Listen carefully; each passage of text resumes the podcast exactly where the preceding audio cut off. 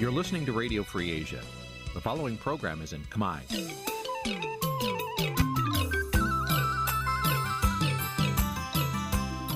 Nǐ chi càm bi tiệp xáy vệt chiu a zì sê ray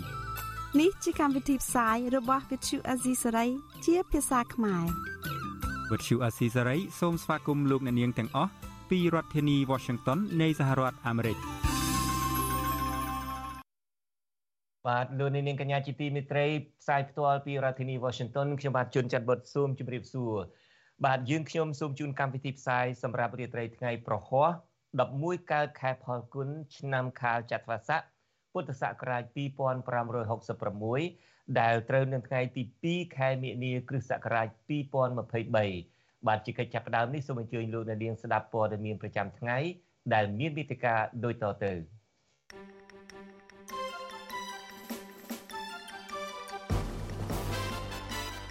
មេធាវីជាតិនិងអន្តរជាតិទៀមទាសាលក្រមគ្មានទោសសម្រាប់លោកកឹមសុខាគណៈដឹកនាំបកភ្លើងទៀនស្នើទូតប្រទេសខាងលិចជួយជំរុញរដ្ឋាភិបាលឲ្យបើកលំហនយោបាយមុនការបោះឆ្នោតអញ្ញាធមូលដ្ឋានតាមឃ្លាំមើលការធ្វើធម្មយាត្រារបស់ប្រដេជគុណសយសាទបាទនៅក្នុងការផ្សាយនារីត្រីនេះដែរយើងនឹងមានកិច្ចពិភាក្សាជាមួយនឹងអ្នកវិភាគនយោបាយចំនួន2រូប អំពីថាតើសាលក្រមរឿងក្តីក្តាមរបស់លោកកឹមសុខា ដែលប្រកាសចេញនៅស្អែកនេះនឹងចេញតាមរបៀបណាបាទជាបន្តទៅទៀតនេះខ្ញុំបាទសូមជូនព័ត៌មានទាំងនេះពិស្ដាបាទលោកនាងកញ្ញាជាទីមេត្រីប្រដេជគុណសយសាទដែលកំពុងធ្វើធម្មយាត្រាតែមួយអង្គឯង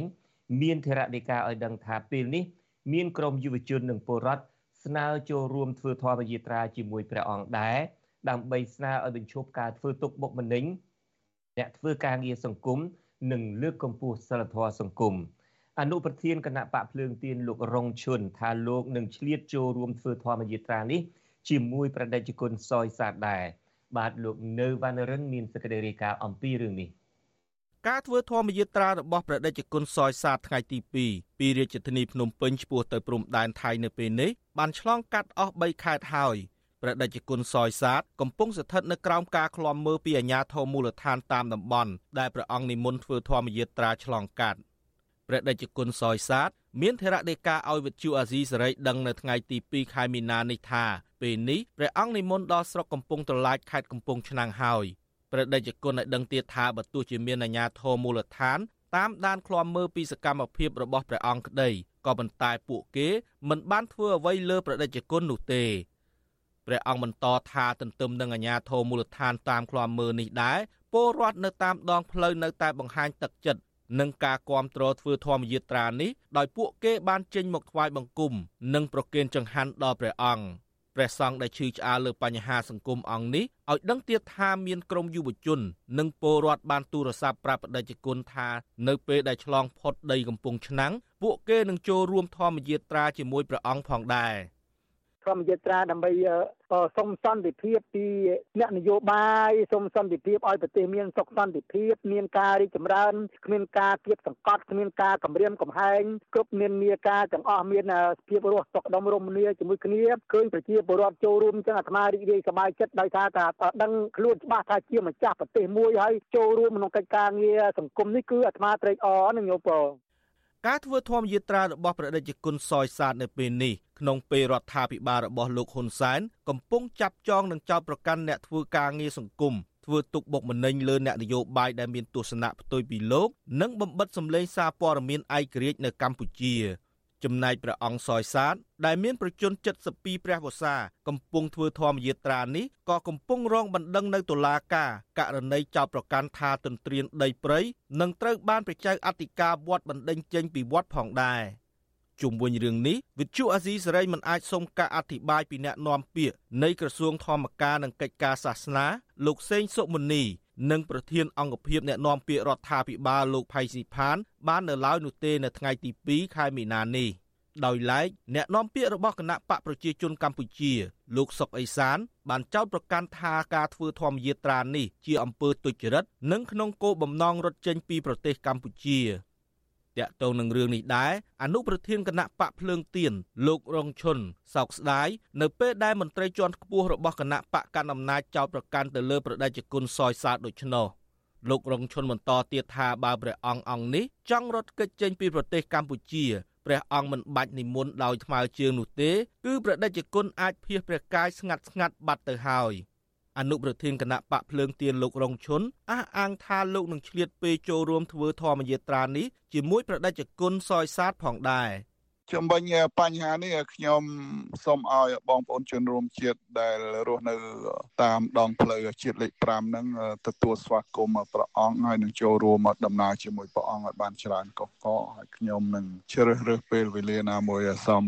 ស្របខ្ញុំនឹងទៅចូលរួមជាមួយព្រះអង្គរយៈពេលណាមួយដែរបាទ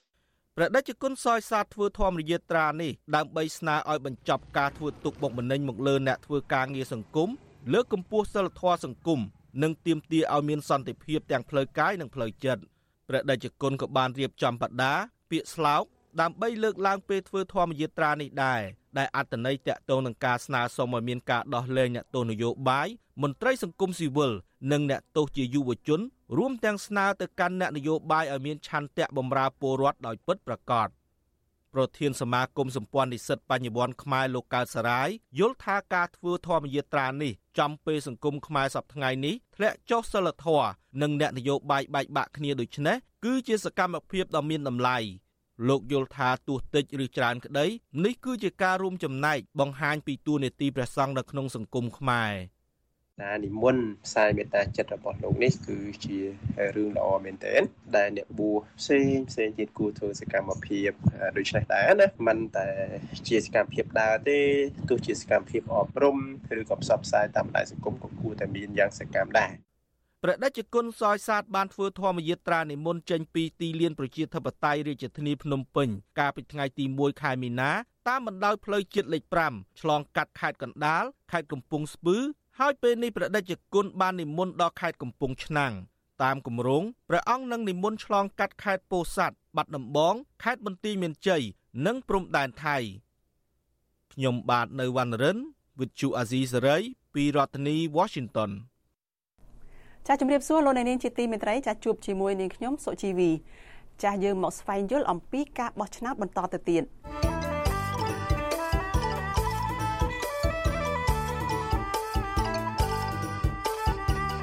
ប្តាហ៍មុនចាលោកអ្នកនាងបានជួបជាមួយលោកសេចបណ្ឌិតចាដែលលោកជម្រាបជូនលោកអ្នកនាងអំពីការបោះឆ្នោតសំខាន់សំខាន់នៅកម្ពុជាចានៅពេលនេះយើងមកស្វែងយល់អំពីថាតើអ្វីទៅគឺជាការបោះឆ្នោតដោយសេរីត្រឹមត្រូវនិងយុត្តិធម៌វិញម្ដង ទី1ការបោះឆ្នោតដោយសេរីចាការបោះឆ្នោតដោយសេរីនេះគឺសំដៅទៅដល់ការបោះឆ្នោតដោយឆន្ទៈដោយចិត្តស្រឡាញ់របស់លោកអ្នកនាងចាប់ពុំមានការបង្ខិតបង្ខំឬការគំរាមកំហែងតាមគ្រប់រូបភាពទាំងអស់ចាប់ពុំមានការទិញសញ្ញាឆ្នោត ហើយគឺជាការបោះឆ្នោតចាដោយពុំមានអំពើហិង្សាអ្វីទាំងអស់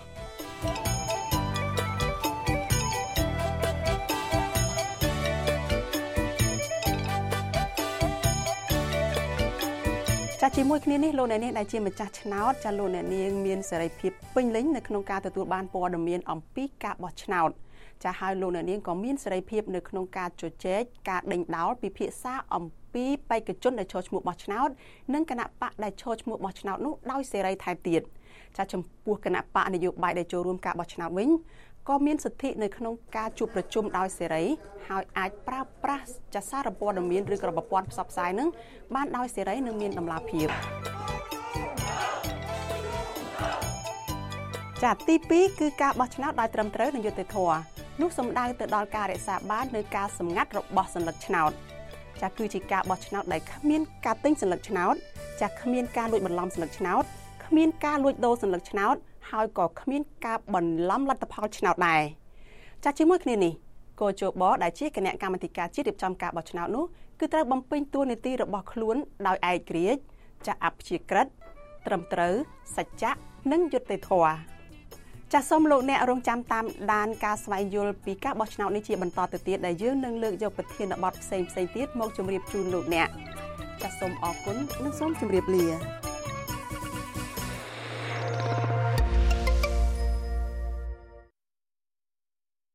បាទលោកនាងកញ្ញាជាទីមេត្រីឥឡូវនេះយើងងាកមកពិនិត្យមើលរឿងដែល អឺអាញាធរក្រុងភ្នំពេញបានចោទប្រកាន់មន្ត្រីជាន់ខ្ពស់មួយរូបរបស់គណៈបកសង្គ្រោះជាតិហើយដែលជាមនុស្សស្និទ្ធនឹងលោកកឹមសុខាផងនឹងថាជាភ្នាក់ងាររបស់ CIA អាមេរិកាំងបាទលោកមីកសវណ្ណារា បង្ហោះសម្លេងនៅក្នុង Facebook របស់លោក នៅថ្ងៃទី2ខែមិនិនានេះថា លោកនិងមិត្តភ័ក្តិរបស់លោកដែលជាជនជាតិអាមេរិកាំងឈ្មោះលោក Mark Gibbel មិនមែនជាក្រុមភ្នាក់ងារសម្ងាត់ CIA ដោយការចោទប្រកាន់នោះឡើយលោកបន្តថាការដែលលោកត្រឡប់មកកម្ពុជានៅពេលនេះ គឺដោយសារតែលោកមើលម្ដាយរបស់លោកដែលមានវ័យចាស់ជរា និងមកមើលការងាររបស់លោកមួយចំនួន អំពីការសិក្សារៀនសូត្រដើម្បីបង្កើនចំណេះដឹង ប្រតិកម្មរបស់មន្ត្រីបកប្រឆាំងនេះធ្វើឡើងបន្ទាប់ពីសារព័ត៌មានដែលស្និទ្ធនឹងលោកហ៊ុនសែនចុះផ្សាយនៅថ្ងៃទី2ខែកុម្ភៈថាសំទោសចុះថ្ងៃទី2ខែមិនិនាថាលោកមេឃសវណ្ណារានិងជនបរទេសម្នាក់ទៀតគឺលោក Matt Gibbel ជាជនមុខសញ្ញាភ្នាក់ងារអាមេរិកសម្ងាត់ CIA ដើម្បីបង្កចលាចលក្នុងថ្ងៃប្រកាសសាលក្រមសំណុំរឿងក្តីរបស់លោកប្រធានគណៈបកសង្គ្រោះជាតិ គឺលោកកឹមសុខាដែលនឹងប្រកាសចេញនៅថ្ងៃស្អែកទី3ខែមិនិនានេះប្រពន្ធដដែលបន្តថាបើទោះបីជាលោកមេឃសវណ្ណារាបានបកស្រាយថាលោកមិនជាប់ពាក់ព័ន្ធលើរឿងនេះក៏ដោយក៏សមត្ថកិច្ចមានភ័ស្តុតាងជាច្រើនទៀតដែលបង្ហាញថាលោកមេឃសវណ្ណារាពាក់ព័ន្ធនឹងសកម្មភាពចារកម្មនិងវិធុងសនានយោបាយបំផ្លាញសន្តិសុខជាតិដែរ វិទ្យុអាស៊ីសេរីនៅមិនទាន់តាក់ទងแนะនាំពាក្យអគ្គស្នងការនគរបាលជាតិលោកឆាយគឹមខឿនដើម្បីសុំអធិប្បាយពីរឿងនេះបាននៅឡើយទេ នៅល្ងាចថ្ងៃទី2ខែមិនិនានេះទោះជាយ៉ាងណាលោកមេឃសវណ្ណារាថ្លែងថាបើទោះបីជាមានការមួលបង្កាច់ទម្លាក់កំហុសទៅលើលោកបែបនេះក្តីក៏លោកនឹងមិនរត់គេចខ្លួនទៅក្រៅប្រទេសឡើយលោកបន្តថាការដែលមិនរត់គេចខ្លួនគឺដោយសារលោកមិនបានប្រព្រឹត្តកំហុសដោយការចោទប្រកាន់នោះទេ រីឯជនជាតិអាមេរិកកាំងគឺលោក Matt Gibbel វិញលោកបានចាក់ចេញពីប្រទេសកម្ពុជាហើយហើយបានបដិសេធចំពោះការចោទប្រកាន់នេះដែរលោកបានប្រាប់វិទ្យុអាស៊ីសេរីថាលោកបានទៅកម្ពុជា ដើម្បីជួបជាមួយនឹងមិត្តស្រីរបស់លោក ដែលលោកមានបំណងនឹងរៀបការជាមួយលោកថានេះគឺជាការចោទប្រកាន់ដ៏គួរឲ្យអស់សំណើចនិងថាអាញាធរកម្ពុជា ហាក់ដូចជាស្រមើស្រមៃ បញ្ចេញប្រតិកម្មជ្រុលហួសជុំវិញការចោទប្រកាន់ទៀត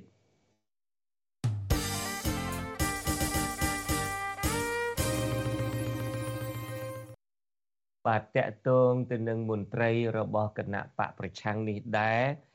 ថ្នាក់ដឹកនាំភ្លើងទៀនសំទោសថ្នាក់ដឹកនាំគណៈបកភ្លើងទៀនបានស្នើទូតប្រជាធិបតេយ្យឲ្យជួយជំរុញរដ្ឋាភិបាល បើកលំហសិទ្ធិមនុស្សនិងនយោបាយមុនការបោះឆ្នោតថ្នាក់ជាតិក្នុងពេលខាងមុខការស្នើសុំនេះធ្វើឡើងស្របពេលដែលអនុប្រធានគណៈបកភ្លើងទៀនបានជួបពិភាក្សាជាមួយនឹងបណ្ដាមន្ត្រីប្រទេសប្រជាធិបតេយ្យកាលពីថ្ងៃទី28ខែកុម្ភៈនិងថ្ងៃទី1ខែមិនិនានេះបាទអ្នកស្រីសុជីវីមានសេចក្តីរាយការណ៍អំពីរឿងនេះអនុប្រធានគណៈបកភ្លើងទៀន3រូបរួមមានលោកសុនឆៃលោករងឈុននិងបណ្ឌិតសុកហាជ បានស្វែងរកកិច្ចអន្តរាគមន៍ពីស្ថានទូតប្រទេសប្រជាធិបតេយ្យមួយចំនួនឲ្យជួយជំរុញទៅរដ្ឋាភិបាលកម្ពុជា បើកលំហសិទ្ធិមនុស្សនិងនយោបាយដើម្បីធានាឲ្យការបោះឆ្នោតថ្នាក់ជាតិនៅក្នុងខែកក្កដាខាងមុខនេះប្រកបដោយភាពត្រឹមត្រូវនិងយុត្តិធម៌ស្របពេលរដ្ឋាភិបាលលោកហ៊ុនសែនកំពុងបង្កើនការគម្រាមកំហែងនិងការធ្វើទុកបុកម្នេញឥតឈប់ឈរទៅលើក្រុមអ្នករិះគន់រួមទាំងគណៈបកភ្លើងទៀនផង មន្ត្រីទូតប្រទេសប្រជាធិបតេយ្យដែលថ្នាក់ដឹកនាំគណៈបកភ្លើងទៀនបានជួបពិភាក្សានោះមានដូចជាឯកអគ្គរដ្ឋទូតបារាំងលោក Jacques Perle និងឯកអគ្គរដ្ឋទូតប្រទេសអាល្លឺម៉ង់លោក Stefan Mercerer កាលពីថ្ងៃទី28ខែកុម្ភៈនិងអនុប្រធានបេសកកម្មការទូតអាមេរិកលោក Michael Deta កាលពីថ្ងៃទី1ខែមិនិនាអនុប្រធានគណៈបកភ្លើងទៀនលោករងឈុនប្រាប់វិទ្យុអាស៊ីសេរីថា កិច្ចពិភាក្សារវាងថ្នាក់ដឹកនាំគណៈបកភ្លើងទៀននិងតំណាងទូតប្រទេសប្រជាធិបតេយ្យបានផ្ដោតសំខាន់លើស្ថានភាពសិទ្ធិមនុស្សនិងនយោបាយនៅកម្ពុជាលោកបន្ថែមថាដោយសារតែរដ្ឋាភិបាលនៅតែមិនទាន់បើកលំហការប្រកួតប្រជែងនយោបាយឲ្យមានភាពល្អប្រសើរនៅឡើយនោះថ្នាក់ដឹកនាំគណៈបកភ្លើងទៀនបានស្នើឲ្យអង្គទូតទាំងនោះជំរុញរដ្ឋាភិបាលលើកកម្ពស់ការគោរពសិទ្ធិមនុស្សនិងបញ្ឈប់ការគំរាមកំហែង ទៅលើសកម្មជននយោបាយដែលមាននិន្នាការផ្ទុយពីរដ្ឋាភិបាលយើងចង់ជម្រាបទៅស្ថានទូតថាស្ថានភាពយើងមើលឃើញថាវាជាសារថ្មីមួយគម្រាមកំហែងទៅដល់សកម្មជននយោបាយក៏ដូចជាអ្នកដឹកនាំគណៈបកនយោបាយនៅក្រៅរដ្ឋាភិបាលហ្នឹងហើយយើងចង់ស្នើឲ្យ អង្គទូតទាំងអស់នឹងត្រូវជួយជំរុញធ្វើម៉េចឲ្យកម្ពុជានឹងត្រូវតែដល់សេរីភាពបើកលំហដើម្បីធ្វើម៉េចឲ្យដំណើរការការបោះឆ្នោតនៅថ្ងៃ23កក្កដានេះមានគេថាសេរីត្រឹមត្រូវយុត្តិធម៌ទៅតាមច្បាប់ដែលមានចែងលោករងឈុនបន្ថែមថា អង្គទូតនៃប្រទេសប្រជាធិបតេយ្យទាំងនេះបានឆ្លើយតបជាវិជ្ជមានចំពោះការលើកឡើងរបស់ថ្នាក់ដឹកនាំគណៈបកភ្លើងទៀន ហើយពួកគេក៏កំពុងយកចិត្តទុកដាក់សង្កេតមើលការវិវត្តនយោបាយនៅកម្ពុជាផងដែរការស្នើសុំទាំងនេះធ្វើឡើងស្របពេលដែលរដ្ឋាភិបាលលហ៊ុនសែននារយៈពេលចុងក្រោយនេះបង្កើនការគម្រាមកំហែងនិងបន្តរដ្ឋបិទលំហប្រជាធិបតេយ្យនិងសិទ្ធិមនុស្សនៅកម្ពុជាកាន់តែខ្លាំងតាមរយៈការប្រើប្រាស់ប្រព័ន្ធតុលាការជាអាវុធករណីទាំងនោះរួមមានការចាប់ឃុំខ្លួនមេសហជីពកាស៊ីណូ Nagavel កញ្ញាឈឹមស៊ីធ ការចាប់ខ្លួនអនុប្រធានគណៈបកភ្លើងទៀនលោកថៃសិដ្ឋាការរឹបអូសទ្រព្យសម្បត្តិឧត្តមក្រុមប្រឹក្សាគណៈបកភ្លើងទៀនលោកគង់គួមនិងអនុប្រធានគណៈបកភ្លើងទៀនលោកសុនឆៃជាដើមជាមួយគ្នានេះលោកហ៊ុនសែនក៏បញ្ជាយ៉ាងតក់ក្រហល់ឲ្យក្រសួងព័ត៌មានបិទសារព័ត៌មានឯករាជ្យនៅក្នុងស្រុកគឺ VOD មិនឲ្យដំណើរការកាលពីថ្ងៃទី13ខែកុម្ភៈជុំវិញរឿងនេះវិទ្យុអាស៊ីសេរីមិនអាចតាក់ទងប្រធានអង្គភិបអ្នកណែនាំពាក្យរដ្ឋាភិបាលលោកផៃស៊ីផាន ដើម្បីបកស្រាយបានទេនៅថ្ងៃទី2ខែមិនិនាដោយទូរស័ព្ទហៅចូលតែពុំមានអ្នកទទួលទោះជាយ៉ាងណាអ្នកនាំពាក្យគណៈបកកណ្ដាលអំណាចលោកសុកអេសានអះអាងថាការចោទប្រកាន់ទៅលើសកម្មជនគណៈបកភ្លើងទៀននិងការបិទវិទ្យុ VOD កន្លងមកគ្រាន់តែជាការអនុវត្តច្បាប់តែប៉ុណ្ណោះបញ្ហាដែលកើតឡើងពាក់ព័ន្ធនឹងមេដឹកនាំបកប្រឆាំងជាពិសេសថ្មីថ្មីនេះជាមួយមេដឹកនាំបកភ្លើងទៀននេះវាតែរឿងគាត់តែរឿងផ្ទៃក្នុងកម្ពុជាតា មានពាក់ព័ន្ធនៅអាមេរិកមានពាក់ព័ន្ធអីបារាំងផ្ទុយពីការលើកឡើងនេះក្រុមអង្គការសង្គមស៊ីវិលជាតិនិងអន្តរជាតិតែងលើកឡើងថារដ្ឋាភិបាលកម្ពុជា ប្រើប្រព័ន្ធតុលាការជាអាវុធដើម្បីជាលេសគម្រាមកំហែងទៅលើសកម្មជននិងអ្នកដែលមាននិន្នាការផ្ទុយពីរដ្ឋាភិបាលតែប៉ុណ្ណោះនិងមិនមែនជាការអនុវត្តច្បាប់សោះឡើយអង្គភាពស៊ើបអង្កេតសេដ្ឋកិច្ចហៅកាត់ថា EIU ដែលមានមូលដ្ឋាននៅក្នុងចក្រភពអង់គ្លេសបានដាក់ចំណាត់ថ្នាក់កម្ពុជាទាបបំផុត ខាងអនុវត្តលទ្ធិប្រជាធិបតេយ្យឬជាប្រទេសដឹកនាំបែបផ្ដាច់ការ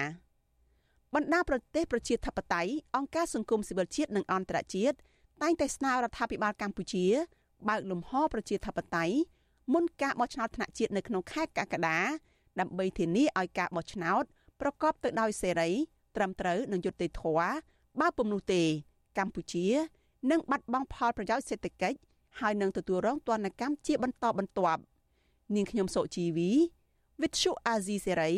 ពីរដ្ឋធានី Washington បាទលោកអ្នកនាងកញ្ញាជាទីមេត្រីតុលាការក្រុងភ្នំពេញគ្រងនឹងប្រកាសសាលក្រមសំណុំរឿងក្បត់ជាតិរបស់ប្រធានគណៈបកសង្គ្រោះជាតិលោកកឹមសុខានៅថ្ងៃសុក្រស្អែកនេះលោកនាយករដ្ឋមន្ត្រីហ៊ុនសែនកាលពីឆ្នាំ2017បានបញ្ជាឲ្យចាប់ខ្លួនលោកកឹមសុខាទាំងកណ្ដាលអាត្រៀត ដោយចោទមេបកប្រឆាំងរូបនេះថាត្រូវរើគ្នាជាមួយរដ្ឋាភិបាលបរទេសប៉ុនប៉ងផ្ដួលរំលំរដ្ឋាភិបាលរបស់លោកក្នុងដំណើរការនីតិវិធីជំនុំជម្រះក្តី5ឆ្នាំកន្លងទៅនេះតុលាការនឹងរដ្ឋាភិបាលកម្ពុជា មិនដែលកោះហៅតំណាងរដ្ឋាភិបាលបរទេសណាមួយមកសាកសួរឡើយមេធាវីរបស់លោកកឹមសុខានិងអ្នកសង្កេតការថាគ្មានភ័ស្តុតាងណាមួយបង្ហាញថាលោកកឹមសុខា បានប្រព្រឹត្តដោយការចោទប្រកាន់នោះឡើយហើយពួកគេទៀមទាផ្ដាល់ទៀមទាឲ្យតុលាការផ្ដាល់ភាពស្អាតស្អំដល់លោកកឹមសុខាវិញបាទលោកជីវិតាមានសេចក្តីរាយការណ៍អំពីរឿងនេះពីរដ្ឋធានី Washington ប្រសិនបើគ្មានការប្រែប្រួលទេនោះលោកកឹមសុខាប្រធានគណៈបកសង្គ្រោះជាតិនឹងដឹងពីជោគវាសនាអនាគតរបស់លោកតាមរយៈសេចក្តីប្រកាសសាលក្រមតុលាការក្រុងភ្នំពេញ នៅថ្ងៃសុក្រទី3ខែមីនា ឆ្នាំ2023នេះ ក្រោយពីលោកទន្ទឹងរង់ចាំអស់រយៈពេលជាង5ឆ្នាំមកទោះជាយ៉ាងណា គេពិបាកប៉ាន់ស្មានថាតើសាលក្រមនោះនឹងចេញបែបណា នោះក៏ដោយសារតែសំណុំរឿងដ៏រសើបមួយនេះរងការជ្រៀតជ្រែកពីសម្ពាធនយោបាយសូម្បីតែក្រមមេធាវីរបស់លោកកឹមសុខាក៏មិនអាចប៉ាន់ស្មានថាតើលទ្ធផលសាលក្រមនោះនឹងចេញបែបណានោះទេទោះបែបនេះក្តី សហមេធាវីការពារក្តីឲ្យលោកកឹមសុខា អ្នកស្រីមេងសុភារី ប្រាប់វិទ្យុអាស៊ីសេរីនៅថ្ងៃទី1មីនាថាបើផ្អែកតាមអង្គហេតុនិងអង្គច្បាប់ កូនក្តីរបស់អ្នកស្រីមិនមានទោសកំហុសដោយការចោទប្រកាន់នោះឡើយ។ យើងខ្ញុំអត់អាចធ្វើការសន្និដ្ឋានបានទេថាសេចក្តីសម្រេចរបស់តុលាការមានលទ្ធផលវិជ្ជមានឬក៏អវិជ្ជមានចំពោះកូនក្តីយើងខ្ញុំក៏ប៉ុន្តែអ្វីដែលយើងខ្ញុំចង់និយាយអ្វីដែលយើងខ្ញុំចង់បង្ហាញគឺបាននិយាយនិងបានបង្ហាញអស់ហើយនៅក្នុងសវនាការកន្លងទៅចាយើងបានលើកអំពីតលហិកជាច្រើន ដែលបង្ហាញឲ្យឃើញថាការចោតប្រកាន់មកលើកូនក្តីយើងខ្ញុំគឺអត់មានភ័ស្តុតាងគ្រប់គ្រាន់នៅក្នុងការចោតប្រកាន់ឬក៏ដាក់បន្ទុកនោះទេចាកាលពីយប់ថ្ងៃទី3កញ្ញាឆ្នាំ2017មន្ត្រីនគរបាលប្រមាណ100នាក់ប្រដាប់ដោយអាវុធបានសម្រុកចូលផ្ទះលោកកឹមសុខា ហើយចាប់ខ្លួនលោកបញ្ជូនទៅឃុំនៅគុកត្រពាំង plong ខេត្តត្បូងឃ្មុំ បន្ទាប់មកតុលាការក្រុងភ្នំពេញចោទលោកកឹមសុខាថាបានខົບខិតជាមួយសហរដ្ឋអាមេរិកប៉ុនប៉ងផ្ដួលរំលំរដ្ឋាភិបាលកម្ពុជា ជាបទចោទធ្ងន់ធ្ងរមួយដែលលោកកឹមសុខាតែងបដិសេធ និងដែលសហគមន៍អន្តរជាតិអស់សំណោចព្រះរាជអាជ្ញាបានលើកយកសេចក្តីថ្លែងការណ៍មួយនៅប្រទេសអូស្ត្រាលីរបស់លោកកឹមសុខា កាលពីឆ្នាំ2013នៅពេលលោកសំណេះសំណាលជាមួយអ្នកគាំទ្រខ្លួន មកធ្វើជាមូលដ្ឋានចោតប្រកាន់លោកកឹមសុខាពីទោសក្បត់ជាតិក្រោយពីជាប់ឃុំនៅពន្ធនាគារត្រពាំង plong ក្បែរព្រំដែនវៀតណាមអស់រយៈពេលជាង1ឆ្នាំមកលោកកឹមសុខាត្រូវបានផ្ទេរមកឃុំខ្លួនក្នុងផ្ទះរបស់លោកនៅទីក្រុងភ្នំពេញ ថ្ងៃទី10ខែតុលាឆ្នាំ2018ជាង1ឆ្នាំបន្ទាប់មក គឺថ្ងៃទី10ខែវិច្ឆិកាឆ្នាំ2019តុលាការបានអនុញ្ញាតឲ្យលោកកឹមសុខាអាចចេញដើរហើរបាននៅក្នុងប្រទេស តែហាមធ្វើនយោបាយអតីតនាយកប្រតិបត្តិទទួលបន្ទុកកិច្ចការតំបន់អាស៊ីនៃអង្គការសិទ្ធិមនុស្ស Human Rights Watch លោក Brett Adam ប្រាប់វិទ្យុអាស៊ីស្រីថា វាជារឿងដ៏អយុត្តិធម៌សម្រាប់លោកកឹមសុខា ដែលលោកបានបាត់បង់សេរីភាពអស់រយៈពេលជាង5ឆ្នាំមកហើយមកទល់ពេលនេះហើយគណៈបករបស់លោកក៏ត្រូវបានរំលាយចំណែកប្រជាពលរដ្ឋក៏បាត់បង់ឱកាសបោះឆ្នោតឲ្យគណៈបកដែលគាត់ដឹកនាំនោះដែរ all because of a fake case ការបាត់បង់អស់ទាំងនេះគឺដោយសារតែសំណុំរឿងចាត់ប្រកាន់បែបคล้ายៗទៅលើគាត់រដ្ឋាភិបាលលោកហ៊ុនសែនមិនអាចរកភ័ស្តុតាងនៃបទក្រិតមកចោទប្រកាន់លោកកឹមសុខាបានទេ ពួកគេក៏បានទៅរើសយកឃ្លីបវីដេអូចាស់មួយ ដែលលោកកឹមសុខាថ្លែងអំពាវនាវរកការគ្រប់គ្រងឲ្យមានលទ្ធិប្រជាធិបតេយ្យនៅកម្ពុជា មកចោទប្រកាន់គាត់ទៅវិញថានោះគឺជាឧក្រិដ្ឋកម្មចំណែកអ្នកតាមដានការអនុវត្តច្បាប់នៅក្នុងស្រុកវិញវាយតម្លៃថាការជំនុំជម្រះលោកកឹមសុខាកន្លងមកមិនបានគោរពតាមនីតិវិធីត្រឹមត្រូវឡើយអ្នកវិភាគចាស់ភាសាបណ្ឌិតឡៅម៉ុងហៃយល់ឃើញថា លោកកឹមសុខាមិនទទួលបានការជំនុំជម្រះមួយដែលយុត្តិធម៌នោះឡើយរឿងបញ្យឺតពជានីតិវិធីជំនុំជម្រះក្តីនេះមើលទឹកម្ដងមើលទឹកម្ដងចិត្តបដែតបដែតទៅនេះតាមនីតិវិធីហ្នឹងគឺវាអយុត្តិធម៌ហើយបាទចាប់តាំងពីការចាប់ទៅឃុំខាងការដោះលែងនៅក្រៅឃុំមកដាក់ក្នុងឃុំវិញនៅក្នុងផ្ទះហើយមានលក្ខខណ្ឌអីវាច្រើនបាទ ដូចជានៅជាប់ពន្ធនាគារគឺជាអយុត្តិធម៌លោកបន្ថែមថា ចំណុចមិនប្រក្រតីនៃទស្សនវិជ្ជាច្បាប់មួយទៀតគឺតុលាការមិនដែលកោះហៅបរទេសណាមួយមកបំភ្លឺគណៈតុលាការចោតប្រកាន់លោកកឹមសុខាថាបានខົບខិតឬត្រូវរើគ្នាជាមួយរដ្ឋាភិបាលបរទេសប៉ុនប៉ងផ្ដួលរំលំរដ្ឋាភិបាលកម្ពុជាបទចោតប្រកាន់នោះមានពាក់ព័ន្ធនឹងបរទេស តើមានជនបរទេសណាគេកោះហៅគេ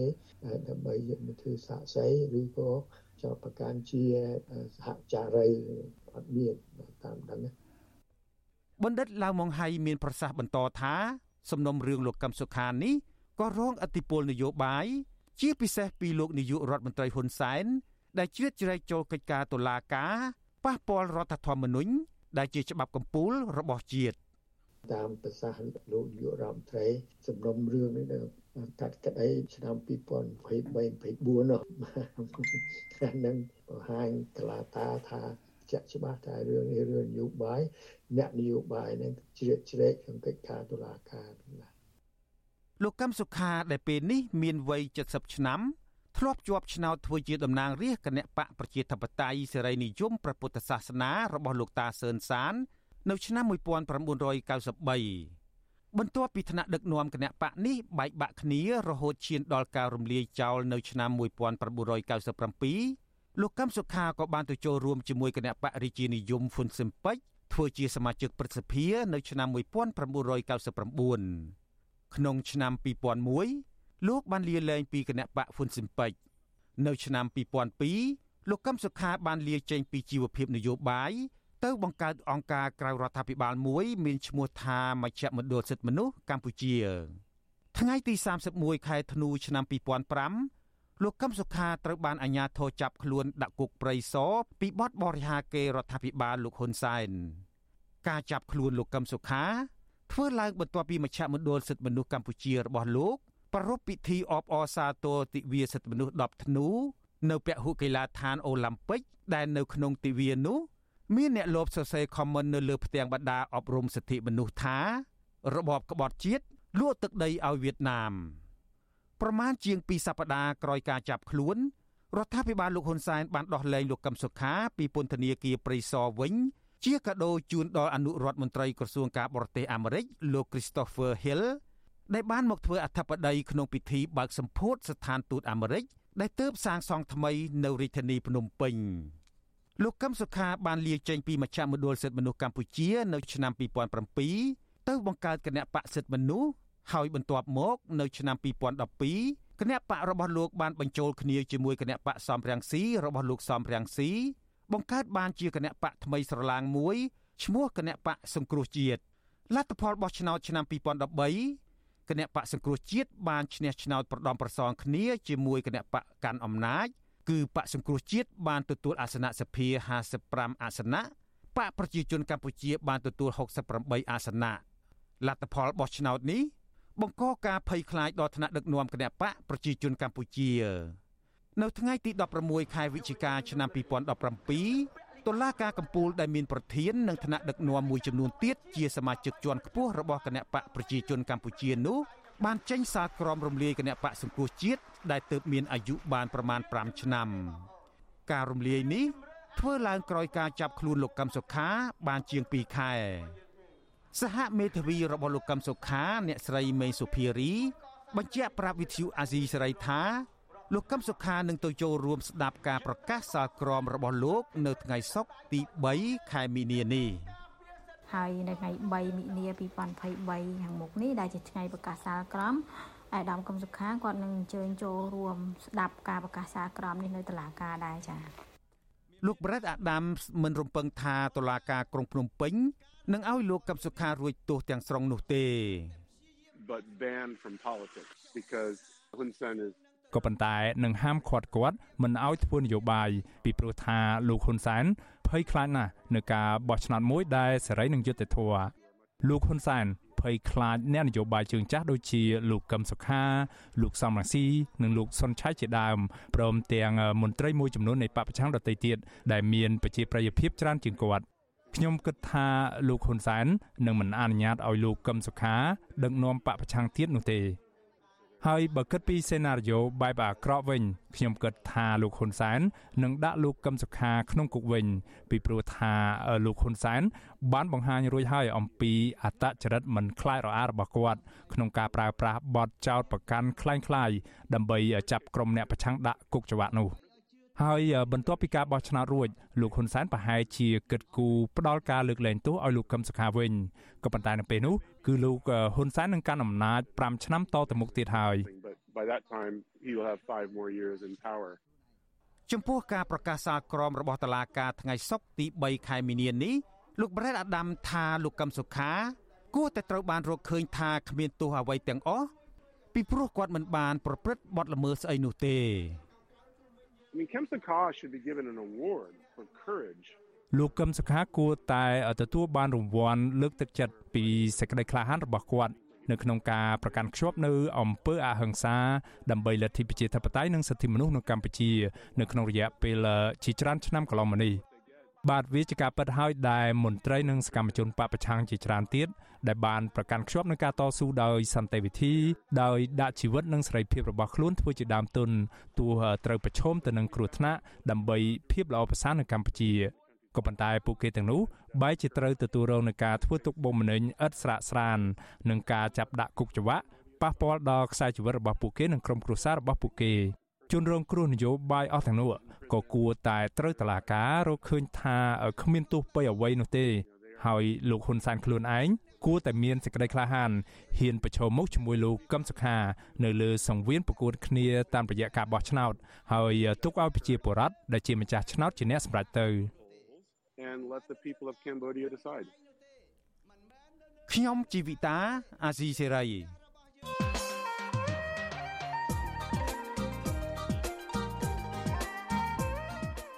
បាទលោកនៅនាងជាទីមេត្រីដោយលោកនៅនាងបានជ្រាបហើយថ្ងៃសុក្រទី3ខែមិនិនាស្អែកនេះ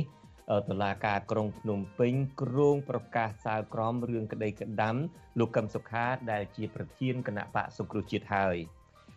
វិទ្យុអាស៊ីសេរីក៏នឹងសម្រិតសម្រាំងការផ្សាយរបស់យើងបដោតទៅលើរឿងក្តីក្តាំដ៏ធំនិងដ៏រសើបមួយនេះនាពេលបន្តិចទៀតនេះខ្ញុំបាទនឹងមានកិច្ចពិភាក្សាមួយជាមួយនឹងអ្នកវិភាគនយោបាយពីររូប ដើម្បីពិភាក្សាគ្នាថាតើក្តីក្តាំរឿងកឹមសុខានេះ ជាពិសេសសាលក្រមរឿងក្តីក្តាំលោកកឹមសុខានេះនឹងចេញតាមច្រកណា ហើយនៅក្នុងថ្ងៃស្អែកនេះបន្ទាប់ពីសាលក្រមចេញជាផ្លូវការហើយ យើងក៏នឹងមានកិច្ចពិភាក្សាជុំវិញថាតើបរិបទនយោបាយកម្ពុជានឹងទៅជាយ៉ាងណា ដោយផ្អែកទៅលើសាលក្រមរបស់លោកកឹមសុខានេះបាទសូមអញ្ជើញលោកអ្នកនាងរងចាំតាមដានការផ្សាយរបស់យើង តាក់ទងទៅនឹងប្រធានបទដ៏សំខាន់នេះក្នុងរាត្រីនេះនិងរាត្រីថ្ងៃស្អែកជាបន្តទៅទៀតបាទ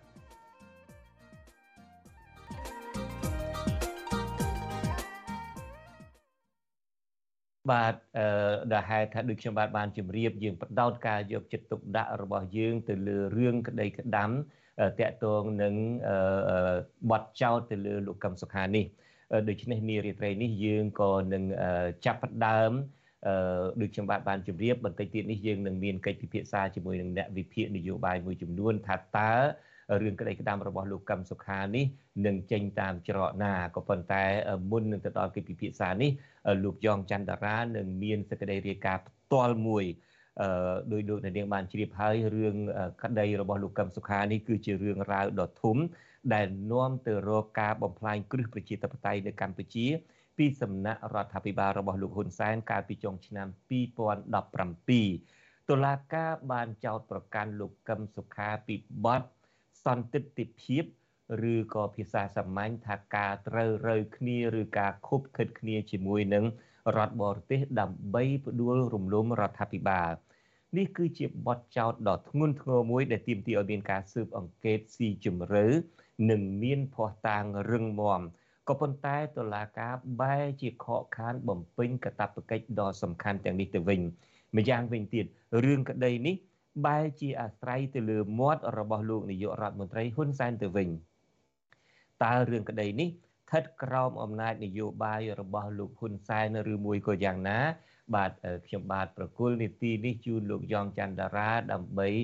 ជម្រាបលោកអ្នកនាងផ្ទាល់តែម្ដងបាទជម្រាបសួរតារាបាទបាទជម្រាបសួរលោកជុនច័ន្ទបតបាទអឺ មកធ្វើ show ហើយនៅមកអង្គុយក្បែរគេក្មេងហើយនឹងស្អាតចាស់យ៉ាងនេះទៅមើលទៅដូចជាបាក់ស្មារតីសម្បើមណាខ្ញុំកុំបាក់ស្មារតីអីលោកជុនច័ន្ទបុតលោកជុនច័ន្ទបុតមិនទាន់ជាចាស់អីទេហើយបើចាស់ក៏ចាស់ក្នុងរូបភាពសង្ហាដែរបាទអាយ៉ាអាយ៉ាបាទដែលហេតុថាលោកតារាបានទៅសើខ្ញុំថាចាស់សង្ហាហើយសូមណែនាំលោកនាងឲ្យស្គាល់ឲ្យកាន់តែច្បាស់ យ៉ងច័ន្ទតារាធ្លាប់ធ្វើការឲ្យអាស៊ីសេរីគាត់ជាអ្នកក្មេងជាងគេទន្ទឹមនឹងគាត់ថាខ្ញុំចាស់នឹងតាមពិតគាត់ក្មេងជាងគេហើយជាអ្នកកសែតតែមួយរូបគត់នៅក្នុងអាស៊ីសេរីនេះដែលបានបញ្ចប់ការសិក្សាពីសាលាកសែតនៅស្រុកខ្មែរដែលគេហៅថា DMC Department of uh, Media and Communication អឺមហាវិទ្យាល័យ អឺមេឌៀនឹងថាម៉េចបកប្រែខ្មែរប្រព័ន្ធផ្សព្វផ្សាយបាទប្រព័ន្ធផ្សព្វផ្សាយនិងសារគមនាគមន៍បាទលោកជនជាតិបាទសារគមនាគមន៍បាទបាទបាទហើយយើងរីករាយណាស់ដែលមានលោកយ៉ងច័ន្ទរាមកចូលរួមជាមួយយើងហើយយ៉ងច័ន្ទរាដោយលោកអ្នកនាងបានធ្លាប់ឃើញហើយនៅពេលដែលធ្វើអឺកាន់កម្មវិធីអីម្ដងម្ដងនឹងរបៀបមិត្តប្រៃរបស់គាត់របៀបរៀបចំរបស់គាត់នឹងគឺល្អមែនតើហើយសង្ឃឹមថាគាត់នឹងរៀបចំ ចម្លើយទៅនឹងសំណួររបស់ខ្ញុំបាទតកតងទៅនឹងលោកកឹមសុខានេះ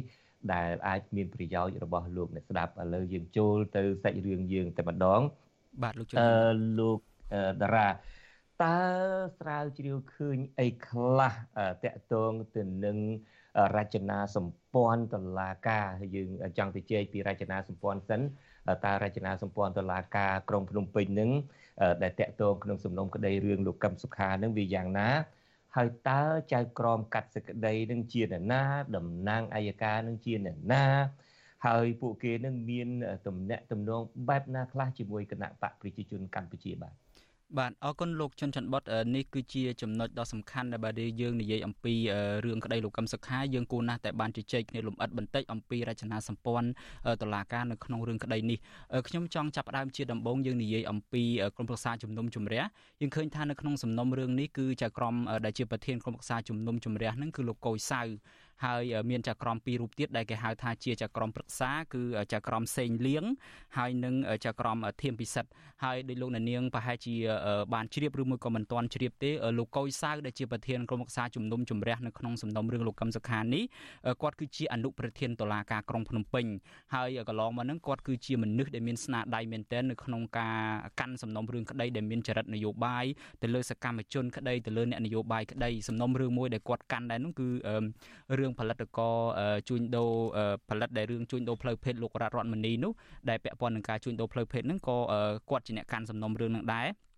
ហើយយើងឃើញចក្រមសេងលៀងចក្រមសេងលៀងនឹងគឺជាអនុប្រធានតឡាការក្រុងភ្នំពេញដែរហើយគាត់ជាអ្នកដែលកាន់សំណុំរឿងក្តីជួបសម្លាប់ ដែលគេចោទថាបានបាញ់សម្លាប់បណ្ឌិតកែមលីហើយចក្រមមួយរូបទៀតដែលយើងចាំមិនភ្លេចនោះគឺលោកធៀមច័ន្ទពិសិដ្ឋលោកធៀមច័ន្ទពិសិដ្ឋនេះគឺថាលេចធ្លោមែនទែននៅក្នុងការស៊ើបសួរនៅក្នុងការដាក់ឲ្យមន្ត្រីសមាគមអាត់6 4រូបនិងលោកនីចរិយាដែលក្រោយមកបានទៅធ្វើជាមន្ត្រីកោជបនឹងជាប់ពន្ធនាគារនេះក៏ដោយសារស្នាដៃរបស់ចក្រមធៀមពិសិដ្ឋដែរនេះបើយើងនិយាយអំពីក្រុមប្រឹក្សាជំនុំជម្រះជាងចង់និយាយអំពីចៅក្រមសមាជិកចៅក្រមបើយើងងាកមកចាប់អារម្មណ៍ទៅនឹងព្រះរាជអាជ្ញាវិញដែលយើងហៅថាជាតំណាងអัยការនឹងមនុស្សសំខាន់ពីរនាក់នៅក្នុងសាច់រឿងនេះគឺព្រះអញ្ញារងប្លង់សុផលលោកប្លង់សុផលនេះគឺថាគាត់ហាក់ដូចជានៅមានវ័យក្មេងមែនតើបើយើងបាន follow គាត់នៅលើ Facebook ហ្នឹងហើយសកម្មភាពរបស់គាត់ហ្នឹងគឺថាលេចធ្លោណាស់គាត់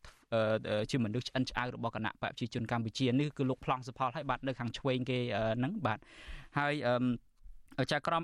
សំទោសបាទគឺដំណាក់ព្រះអញ្ញារងមួយរូបទៀតហ្នឹងគឺលោកឆាយហុងលោកឆាយហុងហ្នឹងក៏ជាសមាជិកគណៈបកប្រជាជនដែរហើយក៏មិនជាមានវ័យចាស់ហើយដែរហើយនៅត្រង់ចំណុចនេះខ្ញុំសូម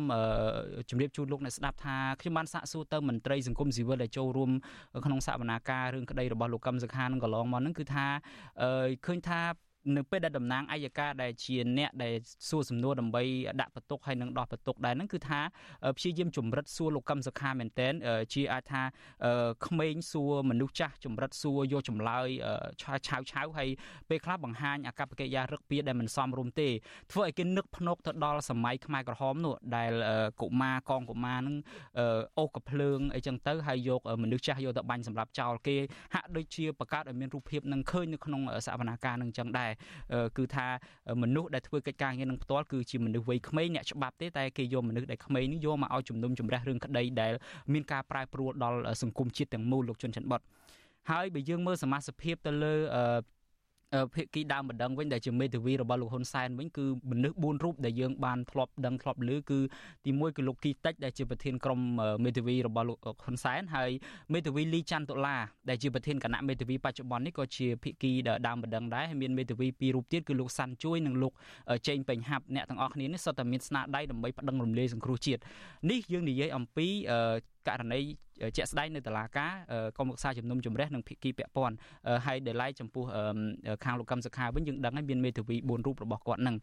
ប៉ុន្តែខ្ញុំចង់និយាយអំពីភាពជាប់តាក់ទងនៅក្នុងបកវិញនេះជាចំណុចដែលទស្សនិកជនប្រហែលជាមិនទាន់បានជ្រាបបានដឹងទេអឺចាក្រមកោយសៅដែលជាប្រធានក្រុមប្រឹក្សាជំនុំជម្រះគឺថាគាត់នឹងគឺជានៅក្នុងបកគាត់គឺជាប្រធានក្រុមការងារភូមិរះព្រៅឃុំជ្រៃស្រុកមងឫស្សីខេត្តបាត់ដំបង ហើយចៅក្រមសេងលៀងហ្នឹងគឺនៅក្នុងបកនឹងដែរគាត់ក៏ជាអ្នកពង្រឹងនៅក្នុងឃុំជ្រៃនឹងដែរគឺជាប្រធានក្រុមការងារភូមិអង្គរងឃុំជ្រៃស្រុកមងឫស្សីដែរហើយតើវាមានការចាំបាច់អីដែលយើងរំលឹកថាពួកគាត់នឹងជាសមាជិកភាពនៅក្នុងគណៈពង្រឹងនៅក្នុងមូលដ្ឋាននឹងដោយសារអីគឺគណៈពង្រឹងថ្នាក់ឃុំដែលជាអាចថាជាមេរបស់គាត់នៅថ្នាក់ឃុំហ្នឹងគឺលោកចិនម៉ាលីននឹងឯងបាទ រូបលោកចិនម៉ាលីននេះលោកនាងបានឃើញហើយមួយទៀតហ្នឹងគឺព្រះអញ្ញារងឆាយហុងនឹងឯងលោកចិនម៉ាលីនគាត់គឺជាប្រធានក្រុមការងារគណៈបកប្រជាជនឃុំជ្រៃស្រុកមុងរស័យខេត្តបាត់ដំបងហើយនៅក្នុងស្រុកមុងរស័យខេត្តបាត់ដំបងហ្នឹងគឺលោកអង្គវងវឌ្ឍនាជាប្រធានគណៈពង្រឹងហ្នឹងហើយនឹងលោកកើតរិទ្ធដែលជារដ្ឋមន្ត្រីក្រសួងយុតិធម៌បច្ចុប្បន្ននេះគាត់គឺជាអនុប្រធានទី1មានន័យថានៅក្នុងខ្សែបដោយនៅក្នុងបកនៅក្នុងរចនាសម្ព័ន្ធហ្នឹងគឺ ចៅក្រមកោយសៅក្តីចៅក្រមសេងលៀងក្តីហ្នឹងគឺថាស្ថិតនៅក្រោមលោកចិនម៉ាលីនទាំងអស់ហើយលោកចិនម៉ាលីនស្ថិតនៅក្រោមលោកកើតរិទ្ធលោកកើតរិទ្ធយើងដឹងហើយជាសេនាធិការដែលធ្វើច្បាប់ពលឿតពលាតច្បាប់ប្រយុទ្ធច្បាប់អីសម្រាប់លោកហ៊ុនសែននេះយើងនិយាយអំពីសមាជិកផ្ទាល់នៅក្នុងរឿងក្តីលោកកម្មសខាបើយើងពង្រីកបន្តិចទៀតនៅក្នុងតឡាការក្រុងភ្នំពេញនឹងតែម្ដងតឡាការក្រុងភ្នំពេញមានប្រធានគឺលោកតាំងសុនឡាយ លោកតាំងសុនឡាយនឹងក៏ជាគណៈពង្រឹងនៅក្នុងអឺឃុំជ្រៃនឹងដែរក៏ស្ថិតនៅក្រោមប្រកបរបស់លោកចិនម៉ាលីននឹងដែរហើយមានមនុស្សសំខាន់ម្នាក់ទៀតនៅក្នុងមិនមែនជាមិនស្ថិតនៅក្នុងសាលាជំរះក្តីទេគាត់នៅស្ថិតនៅក្នុងអង្គការអัยការដែលយើងហៅថាជាព្រះរាជអាជ្ញាឬមួយក៏តំណាងអัยការនឹងគឺ ព្រះរាជអាជ្ញាអមតឡាការក្រុងភ្នំពេញហ្នឹងគឺលោកច្រឹងខ្មៅលោកច្រឹងខ្មៅហ្នឹងតាមការពិតហ្នឹងគឺដោយផ្ទាល់តែម្ដងគឺធ្វើការផ្ទាល់ជាមួយនឹងលោកចិនម៉ាលីននៅក្រោមប្រកបលោកចិនម៉ាលីនហើយលោកនាងឃើញរូបភាពនេះគឺចាក្រមកោយសៅហើយបាទគឺហ្នឹងគេជប់លៀងនៅពេលដែលគណៈបព្វជិជនឈ្នះឆ្នោតនៅក្នុងឃុំជ្រៃហ្នឹងបាទហើយខ្ញុំចង់និយាយជារួមទាញការចាប់អារម្មណ៍ចំណុចមួយទៀតគឺថាបើយើងពិនិត្យរចនាសម្ព័ន្ធពីថ្នាក់លើដល់ថ្នាក់ក្រោមវិញមានន័យថា ទាំងនៅក្នុងភាគីដើមបណ្ដឹងជាមេធាវីនេះគឺជាសមាជិករបស់គណៈបកប្រជាជនកម្ពុជាព្រះរាជអាជ្ញាដែលជាអ្នកចោតសួរលោកកឹមសុខាដាក់បន្ទុកលោកកឹមសុខាសពគ្រប់បែបយ៉ាងក៏ជាសមាជិករបស់គណៈបកប្រជាជនកម្ពុជា ហើយក្រុមប្រឹក្សាជំនុំជម្រះក៏ជាសមាជិករបស់គណៈបកប្រជាជនកម្ពុជាដែរហើយរឿងដែលគួរឲ្យហួសចិត្តជាងនឹងទៀតលោកជុនច័ន្ទបតគឺថាបើយើងគិតអំពីរចនាសម្ព័ន្ធផ្ទៃក្នុងបកវិញលោកគីតិចគឺជាសមាជិកគណៈកម្មាធិការកណ្ដាលរបស់គណៈបក នៅក្នុងចំណោមសមាជិកជាង800នាក់នៃគណៈបកប្រជាជនកម្ពុជាអាចថាជាក្បាលម៉ាស៊ីនដ៏ធំមួយខណៈពេលដែលចៅក្រមជំនុំជម្រះរឿងនឹងលោកកុយសៅលោកអីជាដើមនឹងអត់មែនអត់បានទៅជាសមាជិកគណៈកម្មាធិការកណ្ដាលទេបាទគ្រាន់តែជាសមាជិកគណៈពង្រឹងថ្នាក់ទាបទេបើយើងគិតអំពីខ្សែស្រឡាយក្នុងបកវិញគឺថាអំណាចពួកគាត់នឹងគឺទាបមែនទែនបើប្រៀបធៀបជាមួយនឹងមន្ត្រីនយោបាយដូចលោកចិនម៉ាលីនលោកគីតិចឬមួយក៏លោកកើតរិទ្ធហេតុដូច្នេះហើយយើងអាចទាញសេចក្តីសន្និដ្ឋានថាសំណុំរឿងនេះគឺ មិនមែនថាត្រឹមតែមានចរិតនយោបាយទេអ្នកច្បាប់ឬមួយក៏អ្នកសង្កេតការមួយចំនួនចាត់ទុកថាជារឿងនយោបាយតែម្ដងបាទជាការរៀបចំជាការប្រឌិតបែបនយោបាយតែម្ដងបាទលោកអ្នកនាងជឿខ្ញុំទេថាលោកយ៉ងច័ន្ទរាមានសេចក្តីរាយការណ៍យ៉ាងមិត្តប្រាយយ៉ាងច្បាស់លាស់មានមូលដ្ឋានរបស់គាត់បានត្រឹមត្រូវខ្ញុំខ្លួនឯងនឹងក៏ជក់ស្ដាប់សឹងតែមិនហ៊ានដកទាំងហើមផងហើយស្ដាប់ស្ដាប់មើលទៅនឹងឃើញថាអឺ សមាជិកអ្នកដែលចូលរួមក្នុងការកាត់ក្តីក្នុងការសម្រេចវាសនារបស់លោកកឹមសុខានឹងសុទ្ធតែជាដៃជើងឬមួយប្រើភាសាឲ្យព្រោះស្ដាប់បន្តិចសុទ្ធតែជាសេនាធិការជួមុខរបស់លោកហ៊ុនសែនទាំងអស់អញ្ចឹងมันមានន័យថារឿងក្តីនឹងគឺនៅក្រោមដោយគេនិយាយថាតឡាការតេលេណានៅក្រោមការចុចបញ្ជារបស់លោកហ៊ុនសែនទាំងអស់ហ្នឹងអញ្ចឹងបាទ ចំណុចនេះហាក់ដូចជាឆ្លោះបញ្ចាំងការពិតមែនទែនលោកជុនច័ន្ទបុតអឺយើងអាចថានេះជាពាក្យរបស់ប្រជាពលរដ្ឋអ្នកតវ៉ាដីធ្លីកន្លងមកណាដែលគេហៅថាជាតឡាការតេលេអីចឹងជាដើមក៏ប៉ុន្តែភាសាបច្ចេកទេសមួយទៀតដែលអ្នកខ្លះគេចូលចិត្តប្រើដែរហ្នឹងគឺថាតឡាការស្ថិតក្រោមខ្សែញាក់របស់លោកហ៊ុនសែនហើយនៅក្នុងសំណុំរឿងលោកកឹមសុខានេះយើងអាចឆ្លោះបញ្ចាំងអំពីអំណះអំណាងជាក់ស្ដែងមួយចំនួនដែលអាចគ្រប់គ្រងទៅដល់ការលើកឡើងបែបនេះ លោកជុនច័ន្ទបតប្រហែលជាបានជ្រាបស្រាប់ហើយថាគេចាប់ខ្លួនលោកកឹមសុខានៅពាក់កណ្ដាលអាត្រៀតឈិនចូលថ្ងៃទី3ខែកញ្ញាហើយស្អែកឡើងគឺថាលោកហ៊ុនសែនគាត់បានចេញមុខនិយាយរឿងនេះពន្យល់អំពីមូលហេតុនៃការចាប់ខ្លួនលោកកឹមសុខានៅពេលហ្នឹងហើយពាក្យមួយដែលលោកជុនដែលលោកជុនច័ន្ទបតប្រហែលជានៅចាំគឺថាលោកហ៊ុនសែនចោទលោកកឹមសុខាថាក្បត់ជាតិហើយត្រូវតែតាមចាប់ ឲ្យបានត្រូវតែយកមកដាក់ទោសឲ្យបានហើយលោកថែមទាំងចោទប្រកាន់សហរដ្ឋអាមេរិកថែមទៀតថាជាអ្នកនៅពីក្រោយខ្នងលោកកឹមសុខាហើយចោទអាមេរិកថាជាបាតដៃទី3ដែលតាមការពិតនោះគឺបាតដៃទី3នេះចង់សម្ដៅទៅលើក្រមដៃជើងរបស់លោកហ៊ុនសែនដែលអូសតំណាងរាជយកទៅវាយនៅមុខរដ្ឋសភាកាលពីឆ្នាំ2015នោះទេលោកជុនច័ន្ទបតប៉ុន្តែគាត់បែរឆ្នៃរឿងនេះឲ្យទៅជាថាសហរដ្ឋអាមេរិកជាបាត់ដៃទី3ទៅវិញប្រសិនបើលោកជុនច័ន្ទបតអាចអនុញ្ញាតខ្ញុំចង់ចាក់ប្រសាសន៍លោកបោះលោកហ៊ុនសែននៅត្រង់ចំណុចនេះបន្តិចបាទបាទ បាទអ្វីអ្វីទាំងអស់មនុស្សនេះអ្នកកសាងដូច្នេះការចាប់ខ្លួននៅពេលនេះ គឺជាការទូទាត់បញ្ជីពីដើមដល់ចប់ហើយបាតដៃពីក្រោយវានៅតែដដែលគឺអាមេរិកអំពើក្បត់ជាតិខុបខិតជាមួយបរទេសក្បត់ជាតិខ្លួនឯងគឺតម្រូវឲ្យមានការចាប់ខ្លួនភ្លាមភ្លាមបាទ នេះគឺជាសម្ដីច្បាស់ច្បាស់របស់លោកហ៊ុនសែនហើយលោកហ៊ុនសែនអត់បានបញ្ចប់ត្រឹមប៉ុណ្្នឹងទេលោកជុនច័ន្ទបុតវិវត្តក្រោយក្រោយមកទៀតលោកនៅក្នុងខែកុម្ភៈនិងខែមីនាឆ្នាំ2020នៅពេលដែលគេបានដកឋានៈអនុគ្រោះពន្ធពីកម្ពុជាចំនួន20%ហ្នឹងគឺថាលោកហ៊ុនសែនក្រេវក្រោតមែនទែនពេលហ្នឹងហើយបានប្រកាសដាច់អហង្ការថាសំណុំរឿងលោកកឹមសុខានេះគឺថាអត់ដកថយទេត្រូវតែទៅមុខជានិច្ចត្រូវតែកាត់ទោសហើយសំខាន់នោះគឺថាមេបកប្រឆាំងហ្នឹងបានដឹកនាំការតវ៉ាចង់ឲ្យមានការផ្លាស់ប្ដូររដ្ឋាភិបាលអីហ្នឹងដែលលោកហ៊ុនសែនពេលហ្នឹងបានប្រកាសទុកជាមុនថាលោកកឹមសុខាគឺដាច់ខាតត្រូវតែមានទោសហើយចំណុចសំខាន់មួយទៀត នៅក្នុងកិច្ចប្រជុំគណៈរដ្ឋមន្ត្រីក្នុងខែកញ្ញាឆ្នាំ2020បើសិនតែលោកនាងនៅចាំគឺថាពេលហ្នឹងមានការចុះផ្សាយពីកាសែតដែលស្និទ្ធនឹងគណៈបព្វជិជនឬមួយក៏ស្និទ្ធនឹងរដ្ឋាភិបាលហ្នឹងថាលោកហ៊ុនសែនបានលើកឡើងនៅក្នុងកិច្ចប្រជុំគណៈរដ្ឋមន្ត្រីបិទទ្វារហ្នឹងថាសំណុំរឿងលោកកឹមសុខានេះបើថាពិបាកពេកហ្នឹងគឺថាពជាឲ្យដល់2024ហ្នឹងហ្មងទៅក្រោយការបោះឆ្នោតហ្នឹងតែម្ដងទៅនេះគឺជាប្រសាសន៍លោកហ៊ុនសែននៅក្នុងកិច្ចប្រជុំបិទទ្វារហើយ សំខាន់មែនតើគឺថានៅក្នុងឆ្នាំ2022ថ្មីថ្មីនេះនៅពេលដែលលោកហ៊ុនសែនមានឱកាសដែលត្រូវបានសហរដ្ឋអាមេរិកអញ្ជើញមកក្នុងនាមជាសហប្រធាននៃកិច្ចប្រជុំកម្ពុជាពិសេសអាមេរិកអាស៊ាននឹងលោកហាក់ដូចជាបដូរជំហរឡើងវិញអាចថាស្ដោះឲ្យលេបវិញពីដើមឡើយមកដែលគាត់ចោទពេញពេញមាត់ថាសហរដ្ឋអាមេរិកនៅពីក្រោយខ្នងជាប់ពាក់ព័ន្ធនឹងរឿងក្តីលោកកឹមសុខាហ្នឹងហើយមន្ត្រីរបស់គាត់ប្រព័ន្ធឃោសនារបស់គាត់នាំគ្នាបន្តតាមហ្នឹងបែរទៅជានិយាយថាគាត់អត់បាន ចោតសហរដ្ឋអាមេរិកនឹងទេហើយឲ្យសហរដ្ឋអាមេរិកនឹងទៅដោះស្រាយមួយលោកកឹមសុខាវិញទៅពីព្រោះលោកកឹមសុខាជាអ្នកលើកឡើងពីរឿងសហរដ្ឋអាមេរិកជាប់ពាក់ព័ន្ធនៅក្នុងរឿងនឹងខ្ញុំចង់ចាក់សម្រងសម្ដីនៅត្រង់ចំណុចនេះបន្តិចបាទខ្ញុំសូមជំរាបខ្ញុំអត់យើង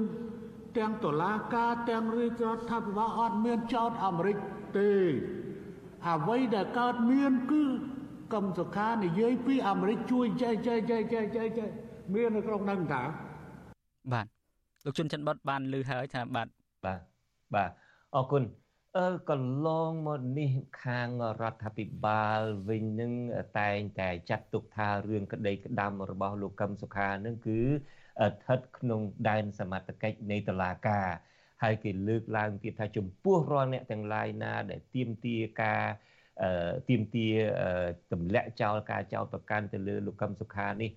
ដោះលែងលោកកឹមសុខានេះឲ្យមានសេរីភាពឡើងវិញហើយចាត់ទុករឿងលោកកឹមសុខាជារឿងនយោបាយនេះក្រមលោកហ៊ុនសែននឹងចោទថាជាអ្នកបំផ្លាញនីតិរដ្ឋនឹងទៅវិញតើលោកយ៉ងចន្ទរាមានការជួយស្រាយបំភ្លឺបែបណាដែរចំពោះរឿងនេះបាទ អរគុណលោកជុនច័ន្ទបុតនេះជាសំណួរសំខាន់មែនទែនកាលណាយើងនិយាយអំពីឯករាជ្យភាពរបស់តុលាការហើយយើងតែងតែសង្កេតឃើញទាំងអស់គ្នាថានៅពេលដែលរឿងបែបចរិតនយោបាយនេះគឺថាទាំងលោកហ៊ុនសែនក្តីទាំងរដ្ឋាភិបាលរបស់គាត់ក្តីជាពិសេសក្រុមអ្នកនាំពាក្យអីហ្នឹងគឺនាំគ្នាបកស្រាយថានេះគឺជារឿងតុលាការស្ថិតនៅក្នុងដែនសមត្ថកិច្ចរបស់តុលាការអញ្ចឹងជាដើមក៏ប៉ុន្តែជាក់ស្ដែងនៅពេលដែលតុលាការកំពុងធ្វើនីតិវិធីហ្នឹងគឺថាលោកហ៊ុនសែនគាត់និយាយជំនួសតុលាការរួចទៅហើយហ្នឹង ហើយនៅក្នុងការរៀបរាប់របស់ខ្ញុំពីដើមមកហ្នឹងគឺថាបើនៅក្នុងផ្ទៃក្នុងបកហ្នឹងគឺចាក្រមជំនុំជម្រះឬមួយសមាជិកទាំងអស់ហ្នឹងគឺជាកូនចៅរបស់លោកហ៊ុនសែននៅក្នុងបកហ្នឹងតើយើងសាកសម័យមើលតើកូនចៅអាចហ៊ានមិនធ្វើតាមប្រកបមេទេឬមួយក៏បើដឹងថាចិត្តមេអញ្ចឹងហើយតើខ្លួនឯងនឹងធ្វើប្រឆាំងមេឬមួយក៏យ៉ាងម៉េចចង់កបត់កឬមួយក៏យ៉ាងម៉េចនេះជាភាសារបស់អ្នកស្រុកទេបាទបាទបាទលោកជុនច័ន្ទបុត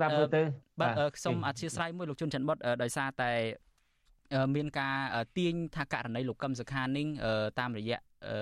នីតិវិធីកន្លងមកហ្នឹងគេចាត់ទុកថាជារឿង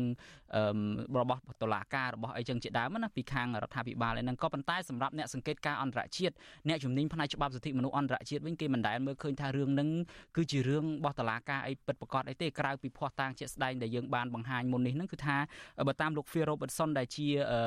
នាយករងទទួលបន្ទុកកិច្ចការតំបន់អាស៊ីនៃអង្គការ Human Rights Watch ហ្នឹងគាត់និយាយថារឿងនេះគឺជារឿងប្រឌិតសុទ្ធសាធគ្មានអង្គហេតុគ្មានភ័ស្តុតាងអីណាមកដើម្បីដាក់បន្ទុកទៅលើលោកកឹមសុខាទេហើយផ្ទុយទៅវិញនឹងការដែលនិយាយថាតឡាការឯករាជ្យឲ្យរុញទៅតម្លាក់ទៅលើតឡាការនឹងគ្រាន់តែជាលេសបិទបាំងហើយអ្នកណាក៏ដឹងដែរថាតឡាការយើងនឹងគឺវាអត់ឯករាជ្យទេខ្ញុំសូមចាក់សម្ដីលោក Phil Robertson ត្រង់នេះបន្តិចបាទ I have no belief whatsoever that there is any independence uh, either of ខ្ញុំគ្មានជំនឿអ្វីបន្តិចសោះឡើយទៅលើឯករាជ្យភាពរបស់ពួកព្រះរាជអាជ្ញាឬក៏ចៅក្រមក្នុងសំណុំរឿងនេះព្រោះនេះ ជាសំណុំរឿងនយោបាយ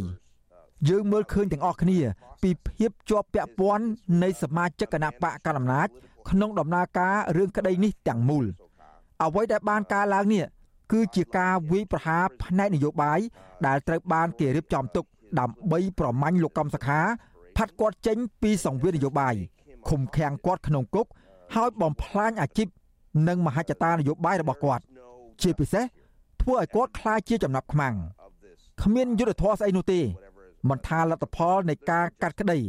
និងអ្វីដែលគេគ្រោងប្រកាសនៅថ្ងៃសុក្រនោះมันមានយុទ្ធធម៌ទេ មានតែការប្រឹងប្រែងឥតដកថយដើម្បីព្យាយាមប្រើប្រាស់តុលាការដើម្បីបន្សាបគណៈបកប្រឆាំងហើយរឿងលោកកំសខាពេលនេះคล้ายជាសំណុំរឿងលេចធ្លោជាងគេបំផុតហេតុដូច្នេះពេលយើងពិនិត្យមើលថាតើអ្នកណាជាប់ពាក់ព័ន្ធខ្លះហើយមានរឿងអ្វីនៅពីក្រោយឆាកនោះ យើងនឹងឃើញច្បាស់ថានេះជារឿងប្រឌិតសុទ្ធសាធ going on behind the scenes uh, it's quite clear that this is all a setup បាទលោកជុនច័ន្ទបុតគឺសម្ដីលោក Phil Robertson គឺច្បាស់ច្បាស់ហើយរឿងនេះគឺថាពិបាកមែនតើបាទបាទស្ដាប់ការរៀបរាប់របស់លោកយ៉ងច័ន្ទរាតាំងពីសមាជិកភាពអាយកាសមាជិកភាពតឡាការអីនឹងដែលជាដៃជើងរបស់លោកហ៊ុនសែនដែលជាសមាជិកជាន់ខ្ពស់របស់គណៈបកប្រជាជនកម្ពុជាអីទាំងអស់នឹងទៅ ស្ដាប់មើលទៅនឹងសាលក្រមលោកកឹមសុខាដែលចេញថ្ងៃស្អែកនេះលោកកឹមសុខាប្រហែលជាពិបាកនឹងទទួលបានយុត្តិធម៌ណាស់មែនទេលោកយ៉ងច័ន្ទរាជាការពិតណាស់ហើយលោកជុនច័ន្ទបតយើងហាក់ដូចជាក្នុងនាមជាអ្នកសារព័ត៌មានតាមគិតគេអាចថាមិនចង់ឲ្យយើងវិនិច្ឆ័យឬមួយក៏ធ្វើការវិភាគទៅលើទស្សនវិជ្ជាហ្នឹងប៉ុន្តែចង់ឬមិនចង់ឲ្យយើងវិភាគតើបើសិនជាយើងមានមានព័ត៌មាន ដែលនៅក្នុងដៃច្រើនហើយបាទយើងវិភាគទៅលើបាទបាទ លោកជុនច័ន្ទបតតាមពិតត្រូវហើយគឺថាយើងវិភាគទៅលើខ្លឹមសារព័ត៌មានហើយនេះយើងទាញមកតាមរយៈការសិក្សាតាមរយៈការប្រមូលព័ត៌មានមកទាំងអស់យើងអាចទាញសេចក្តីសន្និដ្ឋានបានថារឿងនេះហាក់ដូចជាពិបាកខ្លាំងមែនបើយើងនិយាយអំពីយុទ្ធធម៌សម្រាប់លោកកឹមសុខានឹងទីមួយគ្រាន់តែថាការអូសបន្លាយសំណុំរឿងរហូតដល់5ឆ្នាំនឹងវាអយុត្តិធម៌សម្រាប់លោកកឹមសុខារួចបាត់ទៅហើយជាគោលការណ៍នឹងគឺថាសវនាការជំនុំជម្រះរឿងក្តីអីមួយមួយនឹងត្រូវធ្វើឡើងដោយឆាប់រហ័សដើម្បីផ្ដល់ប្រយោជន៍ដល់ជនជាប់ចោតក៏ប៉ុន្តែលោកកឹមសុខាមិនអញ្ចឹងទេគេចាប់គាត់ដាក់គុកជាងមួយឆ្នាំក្រោយមកយកមកដាក់ឃុំក្នុងផ្ទះដកសិទ្ធិនយោបាយរបស់គាត់ហើយគាត់ជាអ្នកនយោបាយផងយើងឃើញគ្រាន់តែការបោះឆ្នោតឆ្នាំ2018ហ្នឹងគាត់ពេលហ្នឹងគាត់នៅជាប់គុកនៅឡើយហ្នឹងហើយរហូតមកដល់ការបោះឆ្នោតឆ្នាំ2022ថ្មីថ្មីនេះគាត់មានបានចូលរួមឯណាហើយគាត់ជាអ្នកនយោបាយគាត់ជាអ្នកដែលមានឆន្ទៈនៅក្នុងការបម្រើជាតិមាតុភូមិហ្នឹងហើយករណីជាក់ស្ដែងមែនតើគឺថា ដូចដែលយើងបានឃើញដូចដែលយើងបានសង្កេតមើលដែរថាបើសំណុំរឿងក្តីនឹងទាំងអស់អ្នកដែលធ្វើកិច្ចការងារនឹងសិតតែជាសេនាធិការរបស់គណៈបកប្រជាជនកម្ពុជារបស់លោកហ៊ុនសែននឹងថាតើជាសំណុំរឿងរវាងមេបកកាន់អំណាចមួយជាមួយនឹងមេបកប្រឆាំងដែលអាចជាដៃគូប្រកួតប្រជែងឬមួយក៏ជាការគម្រាមកំហែងផ្នែកនយោបាយនឹងថាតើយើងរំពឹងថាយុទ្ធធរមាននៅទីណាដែរបាទលោកជុនច័ន្ទបាទហើយយើងនឹងបកគលនីតិនេះជូនអ្នកវិភាគនយោបាយដែលខ្ញុំបាទនឹងសម្ភាសនាពេលបន្តិចទៀតនេះថាតើពួកគាត់នឹង មើលឃើញថាតើសាលក្រមនឹងលោកនាយករដ្ឋមន្ត្រីហ៊ុនសែននឹងចុចបជាតេឡេកំងរបស់គាត់នឹងដើម្បីឲ្យវាចេញទៅច្រកណាទៅវិញដូច្នេះអរគុណលោកយ៉ងច័ន្ទរាហើយជម្រាបលាតែប៉ុណ្ណេះហើយជាបន្តទៅទៀតនេះខ្ញុំបាទនឹងមាននីតិវេទិកាអ្នកស្ដាប់វិទ្យុអាស៊ីសេរីដែលយើងនឹងពិភាក្សាបន្តអំពីរឿងនេះថាតើលោកហ៊ុនសែននឹងឲ្យសាលក្រម រឿងលោកកឹមសុខានឹងចេញតាមច្រកណាបាទសូមអញ្ជើញលោកនាងបន្តស្ដាប់ការផ្សាយរបស់យើងខ្ញុំជាបន្តទៅទៀតបាទបាទសូមអរគុណលោកជុនច័ន្ទបតបាទ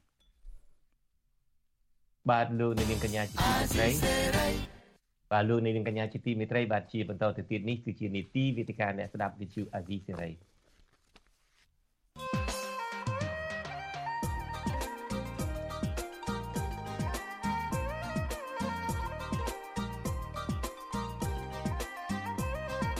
វេទិកាអ្នកស្ដាប់វិទ្យុអាស៊ីសេរី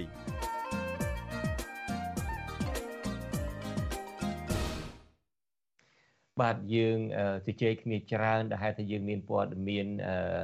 អឺតកតងទៅនឹងរឿងក្តីក្តាមរបស់លោកកឹមសុខាមានលោកយ៉ងច័ន្ទតារាឡើងមកបកស្រាយរឿងក្តីក្តាមនេះដូច្នេះពេលវេលានឹងក៏ច្រើនណាស់ទៅហើយដូច្នេះសូមអនុញ្ញាតពីលោកអ្នកស្ដាប់ថាបន្ទាប់ពី ការផ្សាយរបស់យើងរយៈពេល1ម៉ោងគឺដែលយើងនឹងចប់នៅម៉ោង8:30នាទីដែលផ្សាយនៅតាមរលកធាតុអាកាសខ្លីទៅខ្ញុំបាទនឹងសូមអនុញ្ញាតបន្តកិច្ចពិភាក្សាជាមួយវាគ្មិនរបស់យើងជាបន្តទៅទៀតនៅលើបណ្ដាញសង្គម YouTube និង Facebook ហើយចំពោះលោកអ្នកនាងកញ្ញាដែលតាមដានការផ្សាយរបស់យើងនៅលើវិទ្យុរលកធាតុអាកាសខ្លីបើលោកអ្នកនាងខកខានមិនបានស្ដាប់ការផ្សាយរបស់យើងនាពេលនេះទេយើងក៏នឹងសង្ខេបកិច្ចពិភាក្សារបស់យើងទៅចាក់ផ្សាយជូន នៅវេលាព្រឹកស្អែកនេះទៀតគឺចាប់ពីម៉ោង5:30នាទីរហូតដល់ម៉ោង6:30នាទីហើយបើយល់ល្អមែនទែនបើសិនជាលោកអ្នកនាងមានទូរស័ព្ទ smartphone ទាំងប្រព័ន្ធ Android ឬមួយក៏ប្រព័ន្ធ Apple នោះ សូមអញ្ជើញលោកអ្នកនាងចូលទៅ Apple Store ឬមួយក៏ចូលទៅ Google Play Store ដើម្បី download app របស់ Azizi Saray ពេលនោះលោកអ្នកនាងនឹងបន្តស្ដាប់ការផ្សាយរបស់យើងដែលកំពុងផ្សាយផ្ទាល់ផងទស្សនាវីដេអូផងឬមួយក៏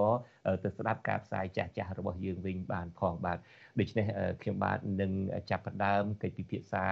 ដែលមានវាគ្មិនពីររូបចូលរួមជាមួយយើង ទី1គឺអ្នកវិភាគនយោបាយដល់ល្បីឈ្មោះមួយរូបចូលរួមជាមួយយើងពីប្រទេសហ្វាំងឡង់ គឺលោកកឹមសុខបាទលោកកឹមសុខខ្ញុំបាទសូមជម្រាបសួរបាទបាទជម្រាបសួរលោកជួនច័ន្ទបុតបាទ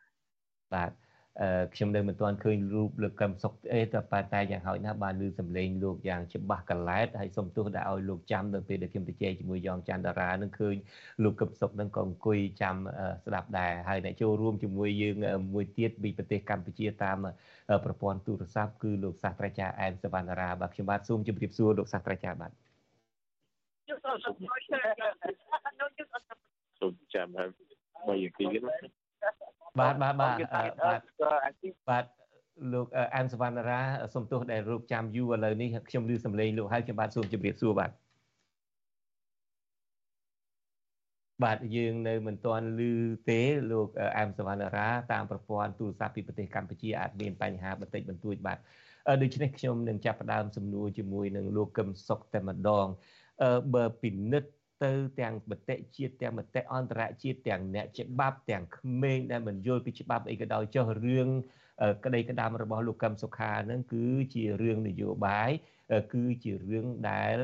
វាសនាគ្រប់យ៉ាងមិនមែននៅលើតឡាការមិនមែនទៅលើចៅក្រមមិនមែនទៅលើអัยការទៅលើបរិយាអាញាអីហ្នឹងទេគឺសំខាន់បំផុតគឺបើលោកហ៊ុនសែនចង់ឲ្យទៅជាយ៉ាងណានឹងចង់ឲ្យទៅជាយ៉ាងហ្នឹងហើយ ដូច្នេះសំណួរខ្ញុំត្រង់តែម្ដងលោកកឹមសុខតើសាលក្រមរបស់លោកកឹមសុខាដែលចេញនៅស្អែកនេះតើលោកហ៊ុនសែននឹងចង់ឲ្យចេញទៅជាបែបណាលោកអាចប្រមាលទូទាយបានទេ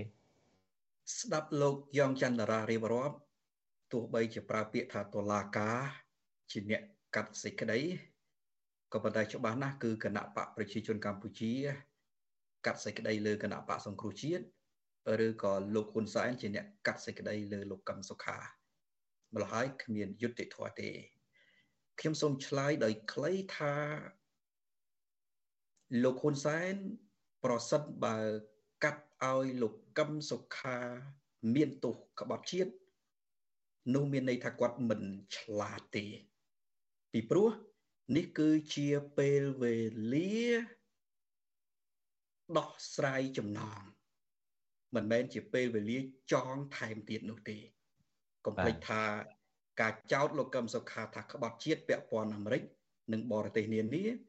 ចងមកជន់ទៅហើយពិបាកដោះហើយពេលវេលានេះប្រសិនបើមិនប្រើឱកាសដើម្បីដោះគឺកាន់តែជ្រៅថែមទៀតពីមុនចងលោកហ៊ុនសែនក៏ប៉ុន្តែបើពេលនេះកាត់ឲ្យលោកកឹមសុខាក្បត់ជាតិចងកលោកហ៊ុនម៉ាណែតតែម្ដង មានន័យយ៉ាងម៉េចទៅបើសិនជាចៅកាត់ក្តីលោកហ៊ុនសែនកាត់ក្តីលោកកឹមសុខាថាក្បត់ជាតិហើយវាទៅជាចងកលោកហ៊ុនម៉ាណែតទៅវិញជួយបកស្រាយចំណុចនឹងបន្តិចបាទចំណុចទី1ចោតលោកកឹមសុខាថាក្បត់ជាតិពាក់ព័ន្ធទៅនឹងសហរដ្ឋអាមេរិកបើទោះបីជាពេលក្រោយក្រោយមកទៀតលោកនាយករដ្ឋមន្ត្រីហ៊ុនសែនអះអាងថាមិនចោតអាមេរិកទេក៏ប៉ុន្តែសាលក្រមមិនមែនជារឿងលេងសើចទេណា សាលក្រមទៅនិយាយរៀបរាប់ទាំងអស់កាលណាចោតគេពីដំបូងមក នៅក្នុងស្រាលក្រមក៏ត្រូវតែសរសេរបញ្ជាក់ថាហេតុអ្វីបានជាទម្លាក់ចោលការ